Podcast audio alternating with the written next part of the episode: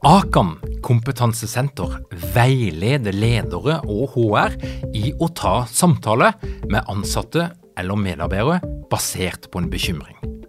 Akan setter ledere og medarbeidere i stand til å forebygge og håndtere en problematisk bruk av alkohol, narkotika, legemidler, spill eller doping blant ansatte.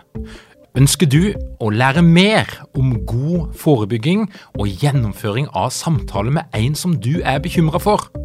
Da kan du nå få tilgang på Akan sitt digitale samtalekurs til spesialpris, kun 760 kroner.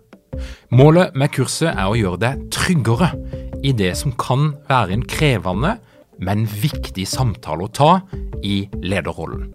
Du får tilgang til kurset med å gå til samtalekurs.no, samtalekurs.no, og bruke kampanjekoden LEDERPODDEN. Tilbudet gjelder ut april.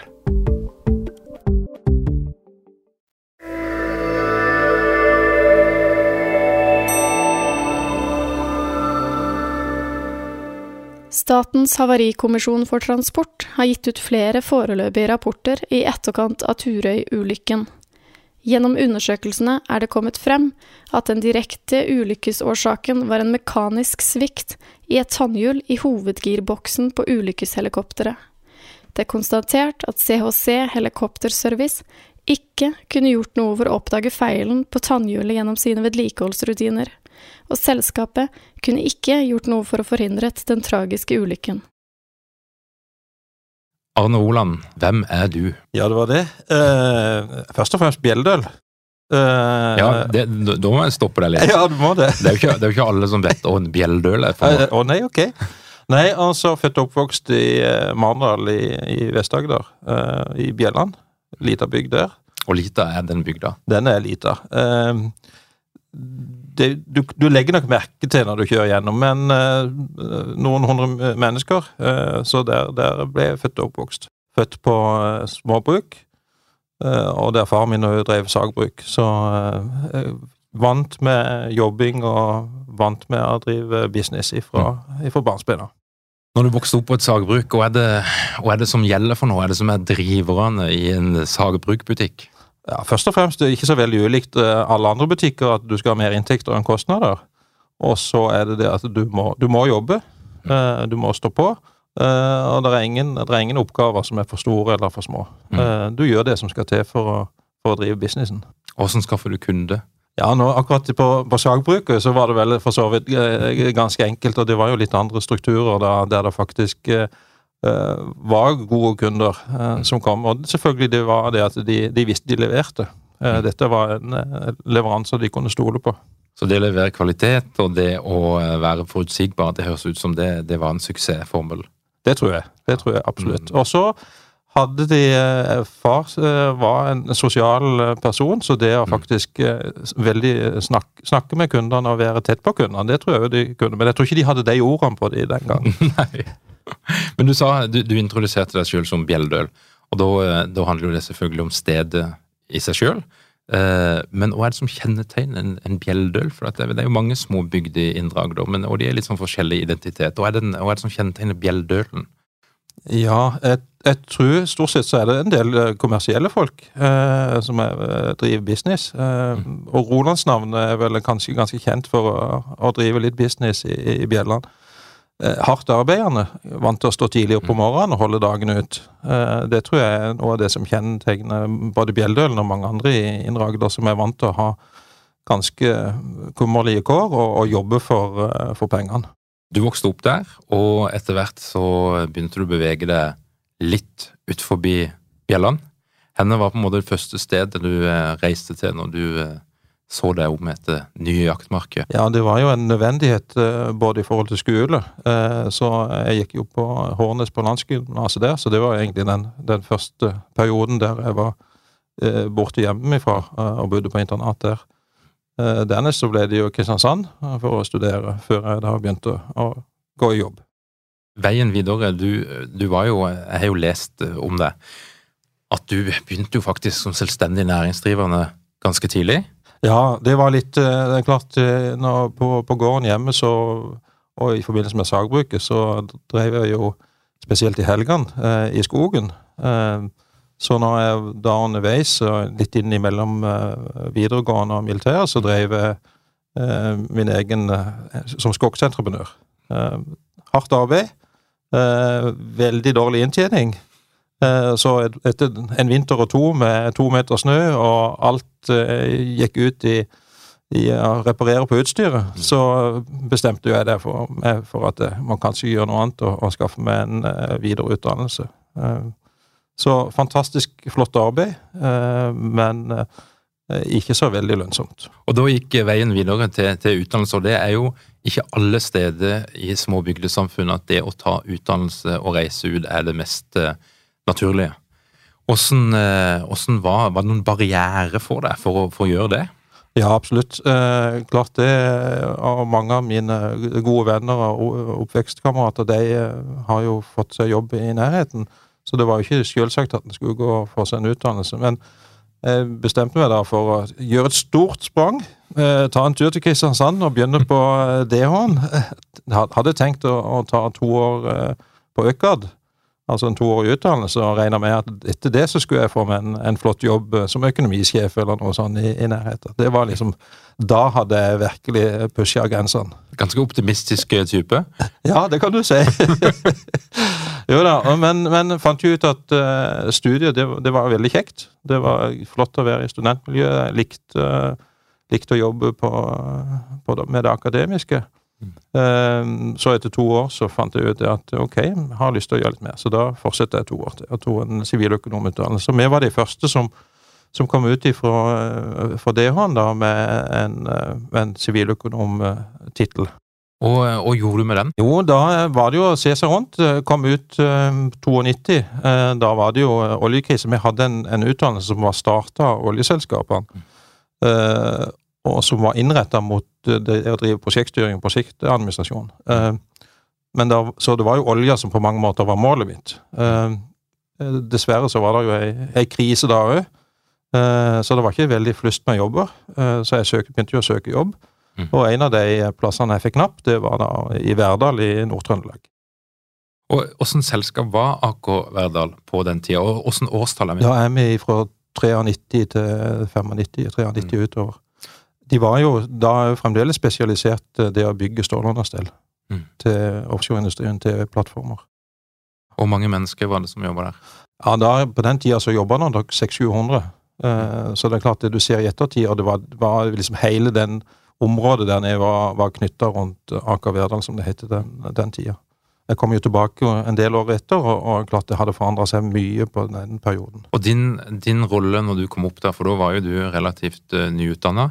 Eh, Erfaringa di var fra skogen, altså noe helt annet. Så, så, det er jo litt spennende å høre. Og, og, og hva det du eh, fikk i hendene for noe? Nei, jeg, jeg, jeg drev som pro programmerer faktisk på planleggingsverktøyene. Eh, så en del av det vi gjorde, var jo å styre prosjektene og sørge for at tilhørende programvare og prosjektstyringsverktøyene passer til det vi skulle gjøre. Men en, mye av det jeg gjorde, var jo faktisk å være ute i hallene, eh, se på framdriften på, på, prosjektene. Så den der kombinasjonen med den praktiske og den akademiske, den fikk jeg nytte av umiddelbart. Mm. Så kom jeg ganske kjapt inn i øyet der eh, de begynte å koble på det kommersielle og mer kontraktuelle. Og det er vel noe det en hadde med seg fra, eh, fra tidligere, en, en, kommersiell holdning. Eh, så det så jo kanskje de rundt med og mine sjefer, at her var det en som hadde teft for å drive litt eh, kommersiell virksomhet og, og, være kreativ hvordan bruke verktøyene for å demonstrere til kundene at dette her når de uh, gjorde endringer, så kom dette å koste oss veldig mye penger, som vi selvfølgelig måtte få godt betalt for. Så kremmeren fra Bjelland den kom til sin rett? Det tror jeg ganske kjapt fram. Og eh, når du var ute og, og, og møtte, møtte, kunder, og hva det, og hva det tok med deg for noe? Du nevnte litt i starten at det var det sosiale og det å snakke med kunder, men i, i oljebransjen, eh, og hva det som gjaldt der, når det gjaldt å få relasjon til kunde og, og legge til rette for salg og mersalg? Nei, Spesielt i prosjekt så er det et veldig klart mål i forhold til å treffe milepæler, i forhold til å holde budsjett. Eh, så det å vise at du har orden i sysakene, at du er forutsigbar, eh, at du er ærlig Du kan godt være tøff kommersielt, men du må framstå med hel ved å være ærlig. Mm. Så det tror jeg er ganske kjapt kom fram. Det å ha tøffe diskusjoner, helt eh, greit, profesjonelle kunder aksepterer det, men de forventer at du er til å stole på, og at du er forutsigbar. Mm. Og Når var det du eh, fikk ansvar for eh, ansatte og, og personalansvar eh, første gangen i dette systemet? Ja, Da må jeg jo noen år eh, litt lenger ned, jeg tenker i 97. Eh, da fikk jeg æren av oppdraget med å etablere i Stavanger en, en ny tilbudsavdeling.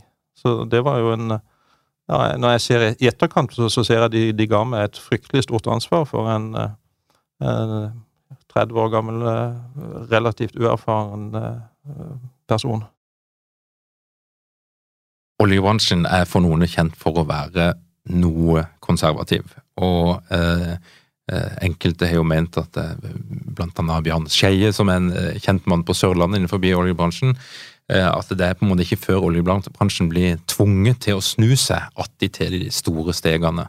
Eh, noen f.eks. har sett den siste tida i forhold til kostnadsbesparelse, i forhold til digitalisering, at de store løftene de kommer nå etter oljekrisa. Og tenker du, altså i, i den tida du var på Verdal og, og, og tenker du om utviklinga som var i den perioden? Ja, altså Jeg kjenner meg jo godt igjen at ting tar tid i oljebransjen. og det er klart Når du har en, en virksomhet som kaster godt uh, av seg i utgangspunktet, uh, så har verken eier eller ledelse kanskje de insentivene for å, å, fornye seg. Nå er det nok større bevissthet rundt det. Uh, og sånn som Verdal, for eksempel. det som er interessant når jeg kom tilbake i rundt 2010 igjen en periode, Altså, det å kostnaden for å bygge et stålunderstell, nominelle per kilo, var de samme i 2010 som de var i 1992. Og jeg ser det er fantastisk produktivitetsutvikling over de årene. Det kom ikke av seg sjøl. Her er noen som har jobba systematisk og langsiktig og grundig for å få til det. Utrolig imponerende. Det hadde ikke vært den virksomheten på Verdal i dag hvis ikke de hadde gjort det. Eh, så, så det skjer veldig mye kontinuerlig forbedring innenfor uh, oljeindustrien.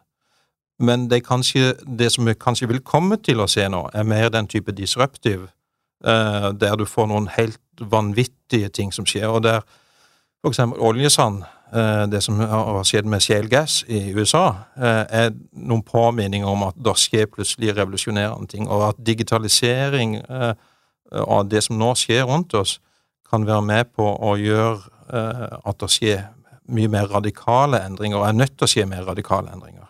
Det tror jeg vi vil se. Eh, så ser jeg jo at det er en del selskaper innenfor oljeindustrien som faktisk går veldig proaktivt inn i nettopp det. Og vi sitter jo nå midt i oljehovedstaden på Sola flyplass, der du landa i 1997. Med familie, med masse erfaringer, men fremdeles ganske ung. 30 år gammel og du hadde fått en oppgave av ledelsen i Aker. Hvordan starta du på den? Ja, det første jeg gjorde, det var jo å prøve å forstå litt av hva, hva er det de sliter med. Hvor, hvorfor får de ikke dette til, og hvorfor har de som har prøvd før meg, ikke fått det til? Så det brukte jeg litt tid på. Kan du beskrive litt hva de ikke fikk til? Ja, de hadde store problemer med å ha data for eh, det å prise f.eks. det å bygge ei oljeplattform. Da skal du ha ganske presise data. Uh, ofte er det fastpriser, uh, og det er små feil, altså det er lite feilmargin som gjør om du tjener penger på prosjektet eller ikke. Uh, så de hadde problemer med rett og slett prisingsmodellene. og de hadde problemer med å ha historiske data. Så det var noen av de tingene vi tok tak i. Så jeg samla et bitte lite team. Igjen helt relativt uerfarne, men med fryktelig mye pågangsmot Eh, så vi hadde et team på tre-fire stykker eh, som sa at dette skal vi fikse, dette skal vi komme til bunns i. Så begynte vi å kikke oss rundt. Hvem andre er det som gjør tilsvarende ting? Og da så vi blant annet innenfor bank. Eh, der har de store datamengder, og de håndterer store datamengder, og de prøver å skaffe kunnskap i, i datamengdene. Så det var noen av de tingene vi, vi tok tak i, og fant ut hvordan slags verktøy skal vi bruke for å greie å få kontroll på dette. Um, så da bygde vi noe som nå er ganske vanlig, men det, i den tida så var ganske, iallfall innenfor olje og gass og innenfor det området, et datavarehus der vi samla data og kunne analysere data, og presentere det for ledelsen, og bruke det når vi da priser nye prosjekter. Og presisjonsnivået gikk dramatisk opp med en gang. Og det som er gøy, er jo det at i den perioden så begynte selskapet å vinne kontrakter igjen. Fordi du visste hvor langt ned de kunne gå på prisinga. Stor konkurranse. Og du hadde jo det faglige ballasten eh, etter hvert ganske godt i orden. Du hadde gått i en slags lære, kan du si det seg, i, i Verdal og fått eh, nødvendige erfaringer, selv om det høres ut som du ble kasta ut på nokså dypt vann. Men det å lede mennesket, eh, den mer relasjonelle delen, åssen var det? Jeg tror faktisk ikke vi, vi, var, eh, vi var kollegaer der, vi var peers. Vi var, eh, så det hvorvidt jeg var leder eh, Det var naturlig at jeg setter retning, men i en sånt lite team som det, der alle starter ut med samme utgangspunkt jeg, jeg, jeg, kan si at jeg følte meg ikke så veldig mye som, som, leder, men det er klart, det var jo det ansvaret jeg hadde. Men dette, dette Vi fant ut av prioriteringene sammen. Det var lite type eh, ledelse jeg trenger å gjøre, for målet var så klart. Selvstendige, kompetente medarbeidere høres ut som var nøkkelen? Det er absolutt, å gi dem masse tillit, eh, og la folk eh, eksperimentere litt, komme med forslag. Var en, det var absolutt som en, en veldig sånn integrert. Og det, det, er noe av det jeg er fascinert av, for det var en veldig det var en med HR-bakgrunn, det var en med litt estimeringsbakgrunn, og det var studenter. Det var, det var, en veldig spesiell setting å være i, og at vi fikk så fryktelig stort ansvar. For det, her var det jo tilbud på mange hundre millioner som vi satte og, og regna fram, og la fram for ledelsen. Og ledelsen tok selvfølgelig sine beslutninger, men det er klart, hadde vi gjort veldig mye feil, så hadde det gått galt. Som leder, henne tok du turen videre? Ja, ifra eh, den avdelinga der så, eh, så, ble det USA. Eh, jeg var del av et lederutviklingsprogram og et talentprogram i, i, i Aker-konsernet. Og en del av det programmet var det at det skulle forsøke å få folk ut i verden. Så da ble det Houston, og det som da kaltes dypvannsselskapet der borte. Det var meninga å ta noe av den erfaringa som vi satt på her i, Norge, og prøve å få over til det selskapet i USA. Så vi var to stykker da som, som reiste over ganske samtidig. Men eh, når folk hører Houston, som vel er verdens oljehovedstad, der eh, folk har noen store cowboyhatter og tilsvarende store biler og motorer. Fortell litt, hvordan, var det for Bjelldølen å komme til Houston og, og oppi For det, det er, USA er jo så mangt, men det å komme til Houston, oljehovedstaden i staten Texas. Du finner vel nesten ikke noe mer amerikansk enn det? Nei, det gjør du ikke. Nei, det var klart det var en uh, veldig spesiell opplevelse. Den første gangen jeg kom bort der, så var jeg jo ganske sliten i hodet bare av det å kjøre langs veien der og se på alle skiltene og i trafikken men ble igjen eh, veldig godt mottatt. Eh, jeg tror nok de folkene som jobber der borte, trodde det var en eller annen uh, veldig høytstående som kom, for jeg fikk jo det flotteste hjørnekontoret i 14. etasje, i toppetasjen, i, i, i, den bygningen. En veldig fin ny bygning. Men igjen så ble, fikk vi store oppgaver, og veldig, gitt veldig stort ansvar. Jobba der borte med, direkte med kunder Eh, Jobba store anbud. Eh, største tror jeg var en milliard dollar. Eh, og internasjonale prosjekter der det var fabrikasjon rundt omkring i hele verden, fra Finland, Mexico, eh, i Asia. Eh, så igjen vanvittig stort ansvar når du ser i etterkant, da, som en fikk som en, en, ung person. Så var det jo også veldig spesielt å være i, i Houston med en stor koloni av mange andre som var der for en kort periode. Eh, så det gjør jo noe med det sosiale livet. Så det var mye sosialliv. Eh, det med det å komme sammen og, og spille golf og barbecue og lite ansvar for eh, akkurat å passe på hus og hjem. Så, så en veldig sånn spesiell setting. Det er litt boble, rett og slett. Ja. Var du der med eller uten familie? Jeg var med familie. Så uh, hun eldste har to døtre. Hun eldste var jo født der, men hun yngste ble født der borte. Ehm, så vi fikk jo prøvd eh, helsesystemet der borte. Ehm, veldig bra, faktisk. Eh, selvfølgelig en, en fordel når du har et, eh, en corporate kort å, å komme inn på i helsesystemet. Jeg er jo veldig nysgjerrig, for det er jo eh, mange myter om ledelse i USA, og forskjellene mellom Norge og USA. Og Hva var det du så for noe den her, når det kom til ledelse, og når det kom til det å jobbe, og, og hva ulike er den? Ja, det er klart det er nok en, en litt annen lederkultur, og, og, det som medarbeider Men igjen, nå, nå var jo selskapet ganske norsk, eh, og, og, kjent for å være norsk. Eh, så det var veldig populært å jobbe der, for det var ikke sånn at du ble sparka på dagen. Eh, det var mer langsiktighet. Så det, det gjennomsyrer nok kulturen. Men det er klart, ofte så er ledelsesfilosofien mer hierarkisk, og det er mindre at du den enkelte medarbeider sier ifra.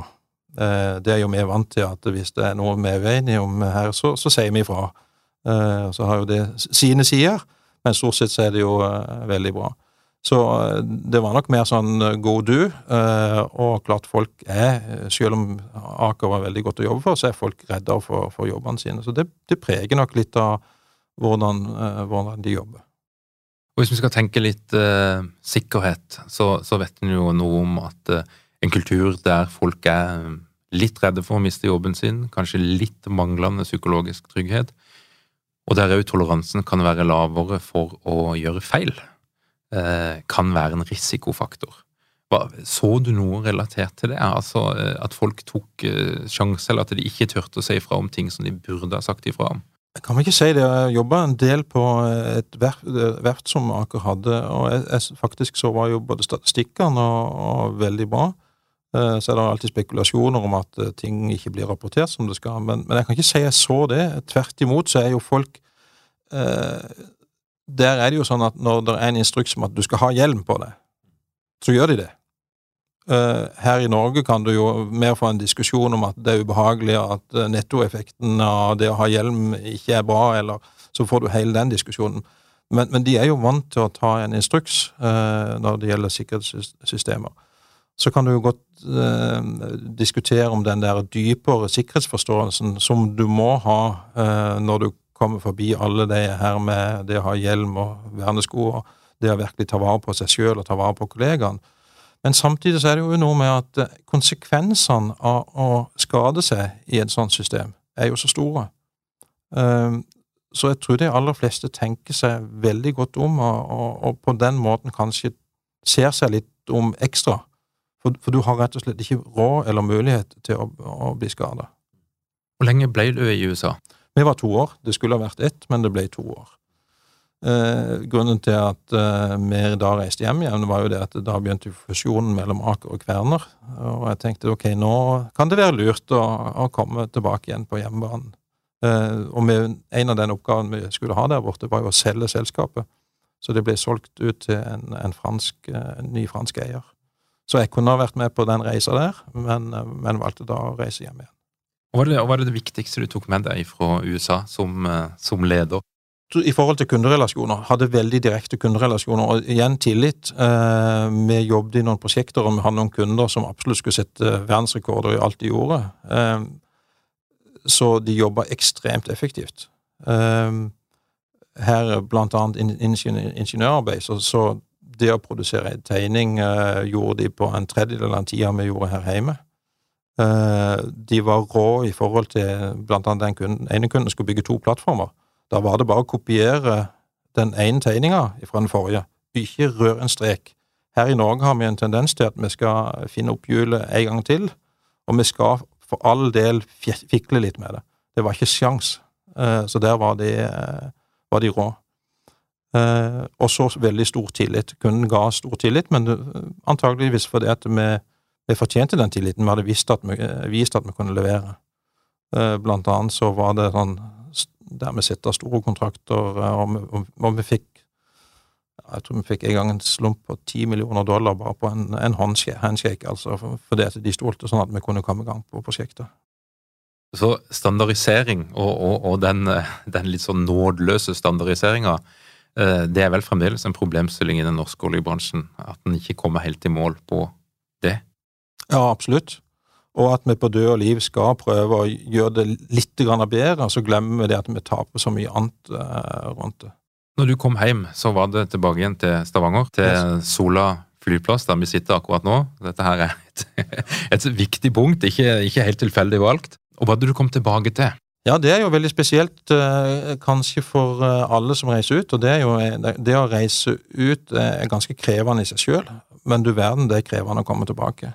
I forhold til både levestandard og i forhold til at du tenker du kommer tilbake og har med deg masse kompetanse, masse erfaring eh, som de rundt deg må jo ha lyst til å, høre om. Og så kan du oppleve at det slett ikke er tilfellet. Det er ikke nødvendigvis en jobb som står klar til det. Eh, eh det er ikke nødvendigvis at den kompetansen du har, er interessant. Så det opplevde jeg jo. Eh, heldigvis så fikk jeg en, en fin jobb i den ene divisjonen som, som kontroller, eh, men jeg kjente jo på det at det var en vel så tøff eh, overgang tilbake igjen. På et eller annet tidspunkt så um, gikk du inn i en relatert bransje, men allikevel en helt annen bransje, uh, nemlig luftfart. Og hva var det som gjorde den overgangen? Har ikke mange ledere uten trening eller utdannelse innen ledelse? Mangler dere en felles kultur og praksis for ledelse? Ønsker dere å være bedre rustet for fremtidig vekst og endring, da kan et internt lederutviklingsprogram være en god investering. I Execu er vi eksperter på å designe og gjennomføre bedriftsinterne lederutviklingsprogram. Hvis du ønsker å lære mer om hvordan vi kan hjelpe dykken til å få enda bedre ledere, ta og klikk deg inn på execu.no.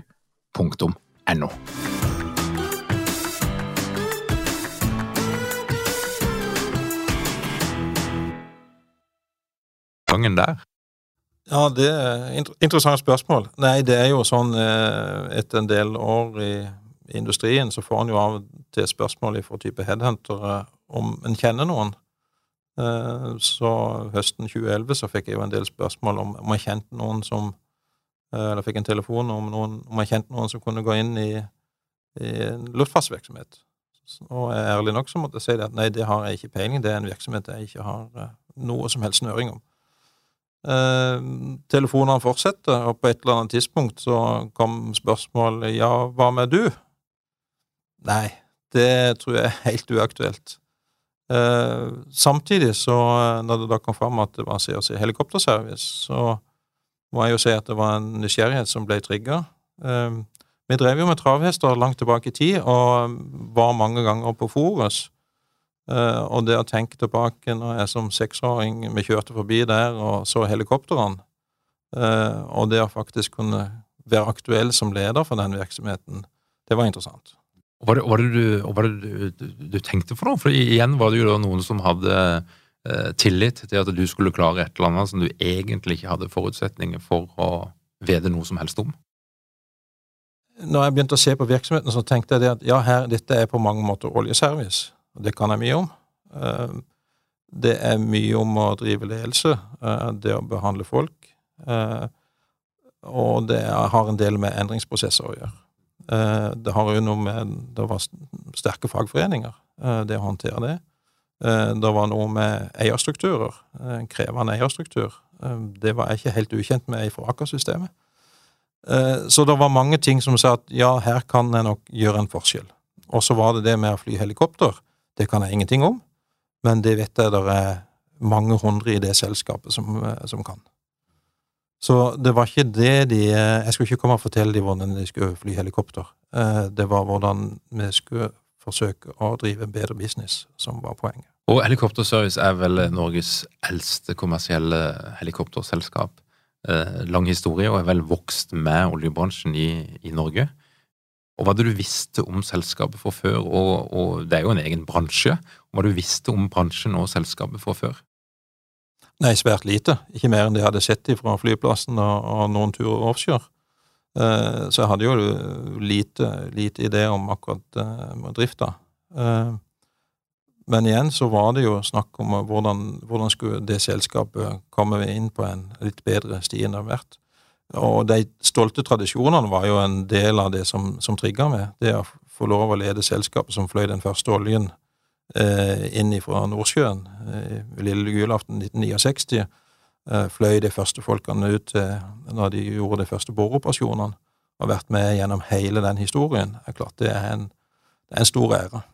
Men eh, hvis vi går tilbake igjen til, til, når du kom her på, på Sola flyplass som, eh, som 30-åring, så, så, hadde du altså en, en, Det høres ikke ut som du var veldig bevisst, men det var en ledelsesfilosofi allikevel som handler om å gi folk ansvar, eh, gi folk tillit, og, og egentlig en, en, ganske lite synlig ledelse for det at du hadde så flinke folk. At det å gi dem tillit var en uh, rette måten å gjøre det på. Og så gikk det jo alle de her årene fram til 2011. Um, ehm, hadde du samme lederfilosofi? Jeg litt eh, Jeg tror nok jeg er ganske flink til å tilpasse meg situasjonen.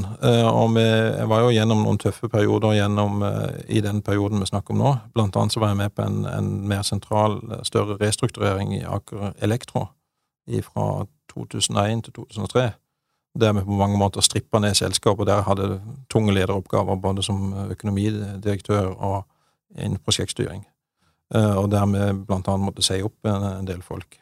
Eh, så jeg fikk jo noen erfaringer nedover i veien her som, som ga meg en del av den ballasten, og der der en måtte jo kanskje være litt uh, hardere i klypa enn en det jeg trengte når vi snakket om den estimeringsavdelinga. Så det var en annen måte å lede på. Det er en annen måte å lede på kanskje når du er i restrukturering og nedturer, enn når du bygger opp noe.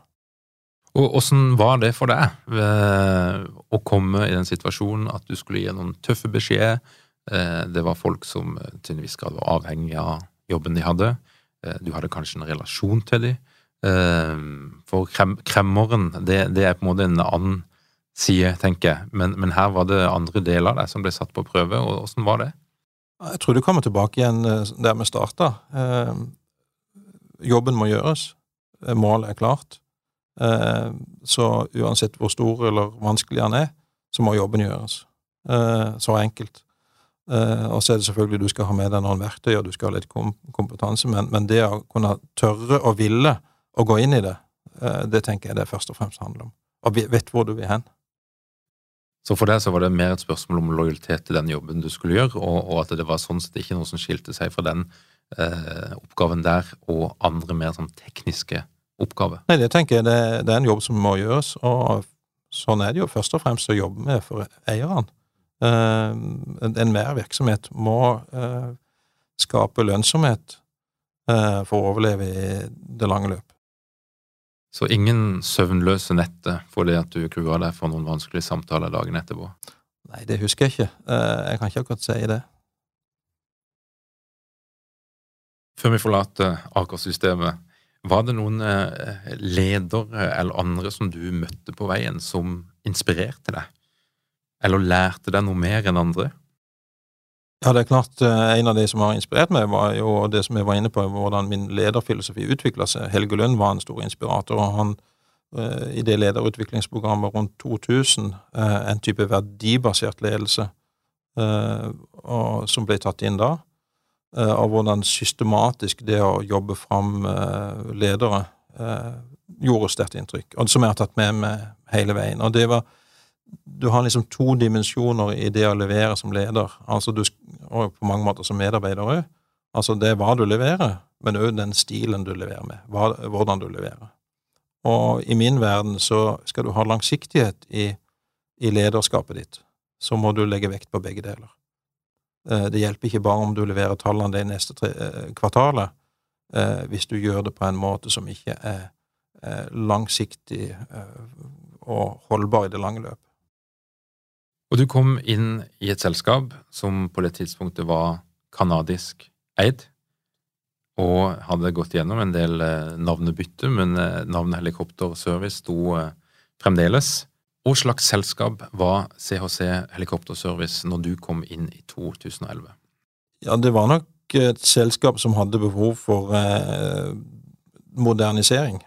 Eh, det hadde vært ti direktører på de ti foregående år, årene så jeg var nummer, uh, nummer ti. Uh, det var veldig lite tillit mellom uh, eiere og lokal ledelse. det var veldig lite tillit mellom lokal ledelse og fagforeninger. og det var veldig stor grad av misnøye fra kundenes side. Så det var, det var settingen. Litt å ta tak i? Ja, egentlig på veldig mange fronter. Eh, så de første tre månedene så, så fikk jeg fryktelig mye bank av kundene, først og fremst. Eh, veldig mye press fra eiere, og eh, selvfølgelig fagforeninger som ønsker å markere seg. Og da var det bare å begynne å rydde? Og hva var de første tingene du tok tak i? Det var den strukturen internt. Så det er klart, det et, etter først å snakke med kundene, prøve å, prøve å stille litt forventninger til eiere, holde dem litt unna så vi fikk litt uh, tid, så var det jo det å begynne å jobbe internt med organisasjonen. Uh, jeg kunne ikke fikse det alene. Så det å få et lederteam, det å få en struktur uh, som kunne hjelpe meg i å, å, få gjort de nødvendige endringer, det var helt avgjørende. Og så selvfølgelig det å begynne å få bygd, gjenoppbygde tillitsforhold til fagforeningene. Hvor mange ansatte var det på det tidspunktet? Ja, det var vel rundt, rundt 400, tenker jeg. Så vi økte jo litt etter den tid, fra 2012 utover. For da var det jo en periode der eh, egentlig alle trodde at det skulle videre oppover. Hvor stor var flåten av helikopter? Ja, Vel noen og 30 store helikoptre. Og eh, når var det du så at eh, jobben du gjorde, begynte å gi resultater? Ja, det var, det var, tøffere og hardere enn det en skulle tro. Men jeg begynte vel å se litt, litt etter hvert. Kanskje ja, i 2014, 2013-2014 Eh, men, eh, men det var selvfølgelig også kom nedturen i 2014. Eh, men jeg fikk jo signaler på at vi var på rett vei. Men det var små drypp som, som, indikerte at nå, i forhold til kundetilbakemeldinger, at ja, de så at ting forandret seg. Først og fremst kanskje kundetilbakemeldinger. De så at vi tok tak i de rette tingene og, og fikk bedre leveranser. Du gikk inn i en bransje som nok har en, en, betydelig høyere risikoprofil på mange måter enn det du kom ifra. Og Da snakker jeg ikke om økonomisk, men jeg snakker om menneskelig. Altså det å, å være i lufta er i seg sjøl noe som medfører risiko. Um, hadde du gjort deg noen betraktninger rundt den delen av jobben før du gikk inn i CHC Helikopterservice? Ja, absolutt. Uh, siste store ulykka var i 1997, Norne-ulykka. Og det er klart, du kan ikke ta en sånn jobb uten at du tenker gjennom uh, det ganske nøye. Uh, for hvis det er noe som går galt, så er konsekvensene så dramatiske, kan være så dramatiske. Nå er det jo sånn at faktisk enhver virksomhet, de aller fleste virksomheter, har storulykkespotensial, men uten at de nødvendigvis tenker over det. Men her i denne virksomheten er den så åpenbar. I tillegg så har du et formelt ansvar. Jeg har et straffansvar Eh, jeg eh, er såkalt ansvarlig leder, accountable manager, i forhold til luftfartsmyndighetene. Eh, så det ligger et tungt ansvar i forhold til det, i forhold til å drive en forsvarlig virksomhet. Så det hadde jeg tenkt veldig mye gjennom. Ja, absolutt. Så tenkte jeg vel òg at det er jo svært usannsynlig at det skal skje på min vakt. Nå viste seg jo i ettertid at det var nettopp det som skjedde, men jeg hadde tenkt gjennom det, ja. Og er det du som leder Altså, det finnes rutine, det er prosedyre, men, men hva er det du som leder gjør for å forberede deg på at uh, noe kan skje? Først og fremst, du er jo inne på dette her, og det, du skal ikke ta det selvsagt at, uh, at det er rutiner og prosedyrer, for det var noe, faktisk noe vi måtte jobbe mye med fra jeg kom inn i, i 2012, uh, i forhold til å forbedre de faktiske beredskapsprosedyrene. Så det er ikke selvsagt. Og først og fremst er det jo erkjenning risikoene, som jeg var inne på. Det er ikke alle virksomheter som gjør det. Så jeg tenker de fleste bedriftsledere burde tenke, sette seg ned og tenke igjennom hva er det som kan være av type store kriser eller, eller ulykker som kan skje i min virksomhet. Så er det å legge de, de gode prosedyrene, og så er det ikke minst å øve på dem, og forbedre og forbedre. Åssen øver en eh, når en er helikopterbransjen? Nei, Vi øver type nesten fullskala, der vi simulerer den type uh, ulykker. Så det var faktisk ikke så veldig mange dagene siden vi hadde når det gjelder Turøya, siden vi hadde en, en, en, simulert en hendelse som var ganske lik. Og da har du jo tatt oss inn i, i eh, det som kanskje du til med deg, eller garantert til med deg, som noe av det mest dramatiske, eller det mest dramatiske du noen gang kom til å erfare, både som leder og, og menneske. Vi snakker om april 2016. Det er ikke så veldig lenge siden. Kan du fortelle noe om, om den dagen? Ja, den kan jeg. 29. april 2016 klokka 11.54. Eh, den telefonen jeg fikk da, den husker jeg godt. Eh, Foranledninga til den er når du snakker om kriser, så er det jo flere typer type kriser. Eh, det er noen kriser som kommer snikende på det, og så er det noen som er akutte. Det som skjedde ved 11.54 den 29. april 2016 var åpenbart en akutt, men forut for det så hadde vi jo hatt en snikende krise. Vi har vært innom det i forhold til nedbemanning, og i forhold til et uh, morselskap som var i dyp uh, økonomisk krise. Så forut for uh, den 29. april så hadde vi jobba i ganske mange uker med å forberede at morselskapet skulle søke konkursbeskyttelse. Så jeg satt i styremøte akkurat uh, den formiddagen uh, skulle signere de siste papirene for at vi skulle søke konkursbeskyttelse over helga. Uh, hadde signert.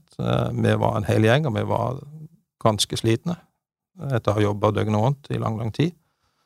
men nå var det snart helg. nå er det snart beina på, på bordet og et glass rødvin, og så får vi helg. Så kom telefonen. Og da var det selvfølgelig bare rett i beredskapsrommet. Og gjøre alt det vi hadde trent og forberedt oss på. Og funka den planen i den grad noe som helst kan fungere eh, under en sånn, eh, sånn omstendighet? Ja, det vil, det vil, jeg si. Eh, det er klart den i beredskapsrommet, da, så vi har øvd mange ganger, og ofte er det ganske kaotisk. Den dagen var det stille. Og folk jobba veldig konsentrert. Uh, og det er klart det er ganske dramatisk. Uh, du får bilder, uh, og det, det, er ganske massivt, det som skjer umiddelbart. da gikk bilder ut på nettet bare sekunder etter, eller minutter etter ulykka. Det er ganske mye motstridende informasjon som kommer. Da ble sendt Noen medier var altfor kjappe ute med å melde hvor det helikopteret kom ifra. Så det er ganske mye, ganske mye informasjon du skal sortere uh, tidlig. Og som leder så uh, vil jeg anta at til tross for rutine og trening, så, så må det være ganske høy grad av stress? Ja, det, det, er du ikke bevisst der, men det er klart adrenalinnivået er jo ekstremt høyt. Uh, men du er så i det utover den ettermiddagen, så da er du jo bare fokusert på å gjøre den jobben som må gjøres. Uh, så er det jo sånn som leder, og det har jeg vært ganske bevisst på i, i forhold til en sånn beredskapssituasjon, at uh, du får delegert og du får drilla de folkene som du har i beredskapsrommet, sånn at jeg som øverste leder hadde si, litt kapasitet til å håndtere det uforutsette. For det skjer alltid. Det er alltid noe uforutsett. Og da må det være noen som kan håndtere det. Så det å klare å komme seg opp av Eh, maskinrommet og det mest operasjonelle, det, det høres ut som å være en, en, en nøkkel i lederjobben. Det å ha oversikten i situasjonen. Eh, jeg brukte en del tid på å studere de som satt i beredskapsrommet. Eh, I en sånn situasjon så er det noen som overperformer, noen som vokser, og som kan ta nesten hva som helst. Og så er det noen som du sier at tid for å ta en timeout. Det er klart det er ekstremt stress for alle. Eh, og her visste vi jo at det var gode kollegaer som eh, de første timene var savna. Eh, men det er jo ingen Det er jo ikke til å legge skjul på at når du vet at helikopter har falt ifra 2000 fot, så er det veldig lite sannsynlighet for at noen overlever. Og er det egentlig, når du kan sitte der i beredskapsrommet, du kan få informasjon, men det, men det er jo vil jeg anta relativt lite du kan gjøre. Altså knytta til selve ulykka. Det er andre som skal ta seg av redning og alt det som skjer på ulykkesstedet. Eh, og hva er det som er eh, målet når dykkene er samla? Det er jo veldig mange oppgaver utover eh, så selv redningsaksjonen, men det er klart det er koordinering, og det er veldig mye ting som skal sikres. Data skal sikres rundt helikopter, det er systemer som skal fryses, dokumentasjon. Uh, det er veldig mye koordinering mot eh, hovedredningssentral. Eh, media begynner jo umiddelbart å, å gå på. Uh, du skal umiddelbart begynne å, å håndtere pårørende. Så det er klart det er, det er en fryktelig lang liste med oppgaver. Så det, nok, det er nok å gjøre. Hvor mange mennesker var det som var involvert i den første fasen, og nå snakker jeg altså om de som sitter inne på beredskapsrommet og er, er i, i, jobb knytta til ulykka? Nei, det er typisk åtte-ti stykker som roller som, som, er inni der. Så er det jo selvfølgelig mange rundt. Uh, og vi begynner jo umiddelbart, ganske umiddelbart uh, å forberede altså Så du splitter teamet ganske kjapt i forhold til hvem som skal ta vare på og drive businessen. For det er ikke sånn at uh, og det er jo de fleste virksomhetene. Du, du, må begynne umiddelbart å tenke på det du kaller på godt norsk business continuity. Så det splitta vi ganske tidlig. Og et team gikk ut og begynte å tenke på hvordan skal vi, når tid skal vi begynne å fly igjen. og hvordan skal vi avvikle det med plutselig halvparten av flåten vår som står på bakken. Den første fasen, eh, hvor lenge varte den? Den var jo eh, I dette tilfellet så varte den jo tre-fire timer til du får bekrefta at eh, det akutte søket er over. Og det er klart det er jo et spesielt øyeblikk. Det var vel litt før fem for å bekrefte at alle 13 er omkommet. Da blir det et, et øyeblikk med, med stillhet i beredskapsrommet.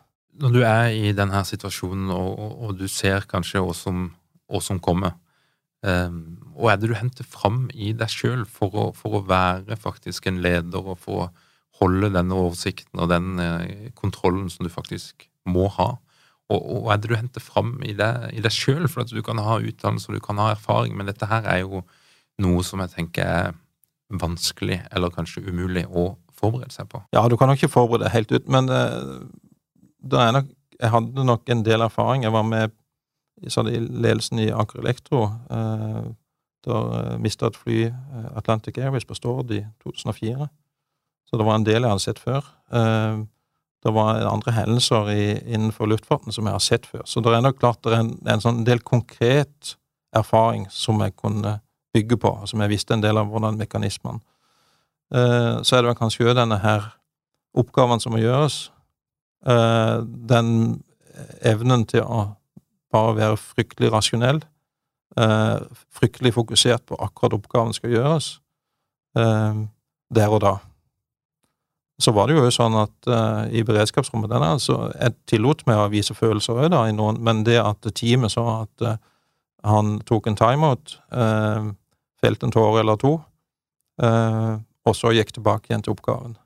Så det å gå tilbake igjen til oppgaven og være fokusert, det tror jeg hjalp teamet å se at det gikk an. I en sånn situasjon er det mulig å, å, å sove? Altså, når var det du la deg? Det, det er nesten, nesten, ille å innrømme, men, men jeg sov. Men det er vel antageligvis fordi at kroppen vet at det er helt nødvendig. Og det samme er jo i forhold til sykdom. Det er litt sånn Jeg ser i ettertid Altså noen uker etter uh, hendelsen uh, Jeg ble jo syk etter hvert, men hadde jo ikke verken tid eller anledning til å, å kutte ut. Så en ja, gikk på legevakta sånn klokka to på natta og spiste middag klokka tre om natta. Men, men uh, jeg, jeg, jeg, sov. Jeg må innrømme det. Det er nesten litt sånn umenneskelig, men, men igjen antageligvis helt, helt nødvendig. Jeg hadde sikkert eh, kollapsa for lenge siden hvis ikke en hadde nettopp gjort det. I en sånn hendelse, i en sånn krise som er så alvorlig at det, det, det, det er nesten vanskelig å, eh, å, snakke om det, fordi det, berører så mange mennesker, og, og det er så tragisk.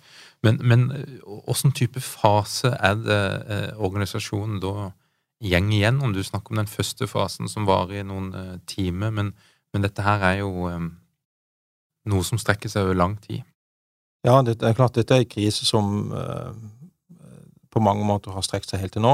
Jeg nevnte det, det var den økonomiske, hvis vi snakker turer, så er den akutt. Og for, for organisasjonens del så, så, går jo den i den første fasen. Det er jo sjokket. Eh, så, så, hva har skjedd?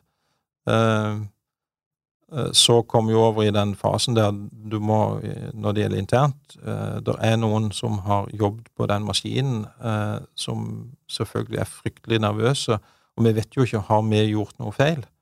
Eh, så det å ganske tidlig begynne å ta seg av organisasjonen, og få organisasjonen til å være sikker på at du som leder er, kommer til å være lojal og står med dem uansett hva som har skjedd. Um, så begynner media. Uh, altså første intervju fikk jeg jo Det var liksom tre spørsmål. Uh, hva har skjedd? Hva gjør dere? Hvem har skylda? Det var første intervjuet. Så det er klart, uh, den syndebukkjakta, den starter umiddelbart. Eh, og mistankene mot vårt selskap, eller eh, ble, kom veldig kjapt. Eh, vi valgte veldig tidlig å si at her, her skal vi ikke spekulere. Uh, om, men, samtidig skal vi gjøre oss veldig tilgjengelig i forhold til både media og i forhold til ja, alle som trenger å få informasjon, om det er kunder eller hvem det nå måtte være. Men det er en, det er en ekstremt krevende øvelse, selvfølgelig. Og bildet av, av ditt ansikt var på um, alle nettaviser i, i landet.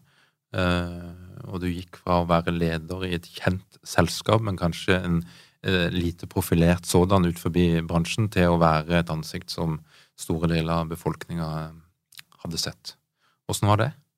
Det hadde jeg ikke noe sånn eh, Jeg tror ikke jeg hadde noe bevisst forhold til det da. Og igjen, eh, det var aldri noe alternativ for meg å gjemme meg bak en eller annen kommunikasjonsrådgiver. Det første kommentaren han sa, var jo at vår oppgave er å få folk trygt hjem igjen. I dag greide vi ikke det. Selvfølgelig, jeg fikk jo juristene mine på, på nakken for det, men det var det jeg følte.